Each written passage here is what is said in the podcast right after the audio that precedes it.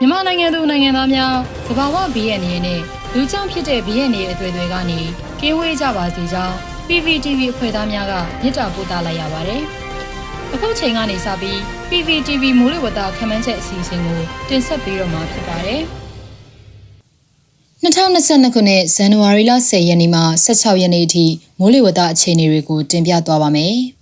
ယခုရက်သက်တစ်ပတ်အတွင်းမြန်မာနိုင်ငံတဝန်းလုံးမှာစောင်းရသည်ရဲ့အေးအေးတက်ပြန်လည်ရော့ကျလာပြီးအေးဒဏ်တက်တာမှုကိုခန်းစားကြုံတွေ့ရမယ့်အချိန်ကာလဖြစ်ပါတယ်။တနည်းအားဖြင့်လေပွေလိုင်းတစ်ခုကြောင့်အဖြတ်ဆောင်မှုပြန်ရွာလာနိုင်ပါတယ်။မြန်မာနိုင်ငံမြောက်ပိုင်းမှာအလဲပိုင်းဒေသများအထိစောင်းမိုးနဲ့အတူအနှဲငယ်ဆက်အေးနေနိုင်တဲ့ရက်သက်တစ်ပတ်အဖြစ်ကြုံတွေ့လာနိုင်ပါတယ်။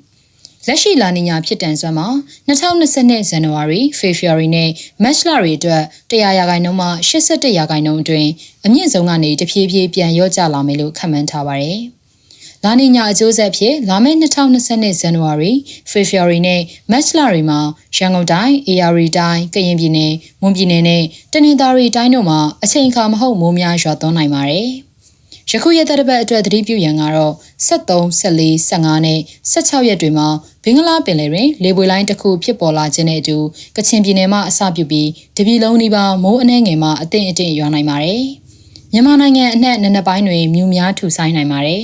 ။ဇန်နဝါရီလ10ရက်နေ့ကျော်ခန့်မှန်းချက်မြန်မာနိုင်ငံအထက်ပိုင်းနဲ့အလဲပိုင်းတို့မှာအနောက်တောင်လေများနဲ့အရှေ့တောင်လေများအားပြိုင်တိုက်ခတ်လာနေပါတယ်။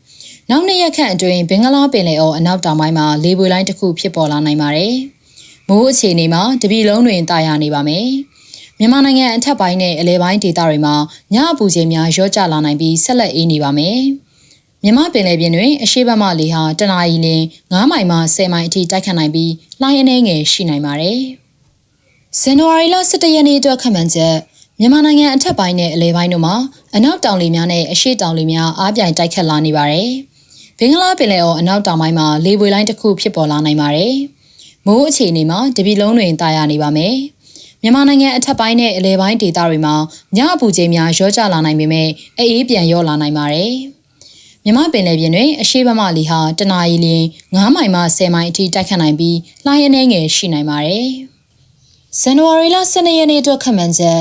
မြန်မာနိုင်ငံအထက်ပိုင်းနဲ့အလဲပိုင်းတို့မှာအနောက်တောင်လေများနဲ့အရှေ့တောင်လေများအားပြိုင်တိုက်ခတ်လာနေပါတယ်။ ဘင်္ဂလားပင်လယ်အော်အနောက်တောင်ပိုင်းမှာလေပွေလိုင်းတစ်ခုမှလေဖျားနဲ့ရဝန်းတစ်ခုအဖြစ်ရောက်ရှိလာနိုင်ပါတယ်။မိုးအခြေအနေမှာကချင်ပြည်နယ်နဲ့အေယာရီတိုင်းတို့မှာနေရာကွက်ကြားမိုးအနှဲငယ်ရောနိုင်ပြီးတပြည်လုံးတွင်တာယာနေပါမယ်။မြန်မာနိုင်ငံအထက်ပိုင်းနဲ့အလဲပိုင်းဒေသတို့မှာညအပူချိန်များရောကျလာနိုင်တော့လဲအေးအေးပြန်ရောလာနိုင်ပါတယ်။မြမပင်လယ်ပြင်တွင်အရှိဘမလေဟာတနအီလရင်10မိုင်မှ15မိုင်အထိတိုက်ခတ်နိုင်ပြီးလှိုင်းရင်းငယ်ရှိနိုင်ပါတယ်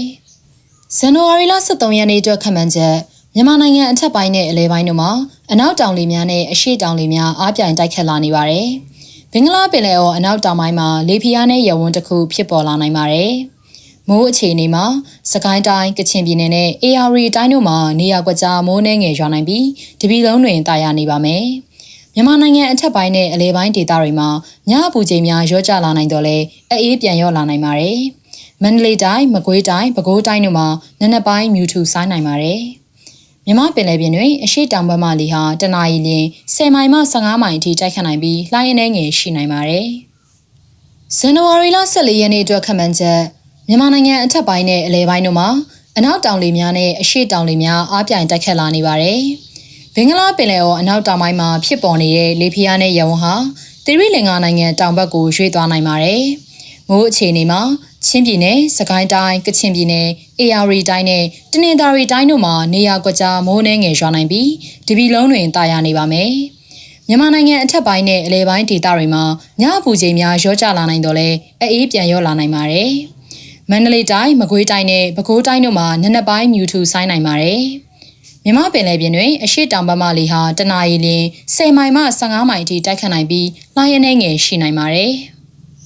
ဇန်နဝါရီလ15ရက်နေ့အတွက်ခန့်မှန်းချက်မြန်မာနိုင်ငံအထက်ပိုင်းနဲ့အလဲပိုင်းတို့မှာအနောက်တောင်လေများနဲ့အရှေ့တောင်လေများအားပြိုင်တိုက်ခတ်လာနေပါတယ်။မိုးအခြေအနေမှာတပြည်လုံးတွင်နေရာကွက်ကြားမိုးထချုံရွာနိုင်ပါတယ်။မန္တလေးတိုင်း၊မကွေးတိုင်း၊ပဲခူးတိုင်း၊နေပြည်တော်၊ရှမ်းပြည်နယ်၊ချင်းပြည်နယ်၊ရခိုင်ပြည်နယ်၊အေရီတိုင်း၊ကယားပြည်နယ်နဲ့ကရင်ပြည်နယ်တို့မှာနနက်ပိုင်းမြူထူဆိုင်းနိုင်ပါတယ်။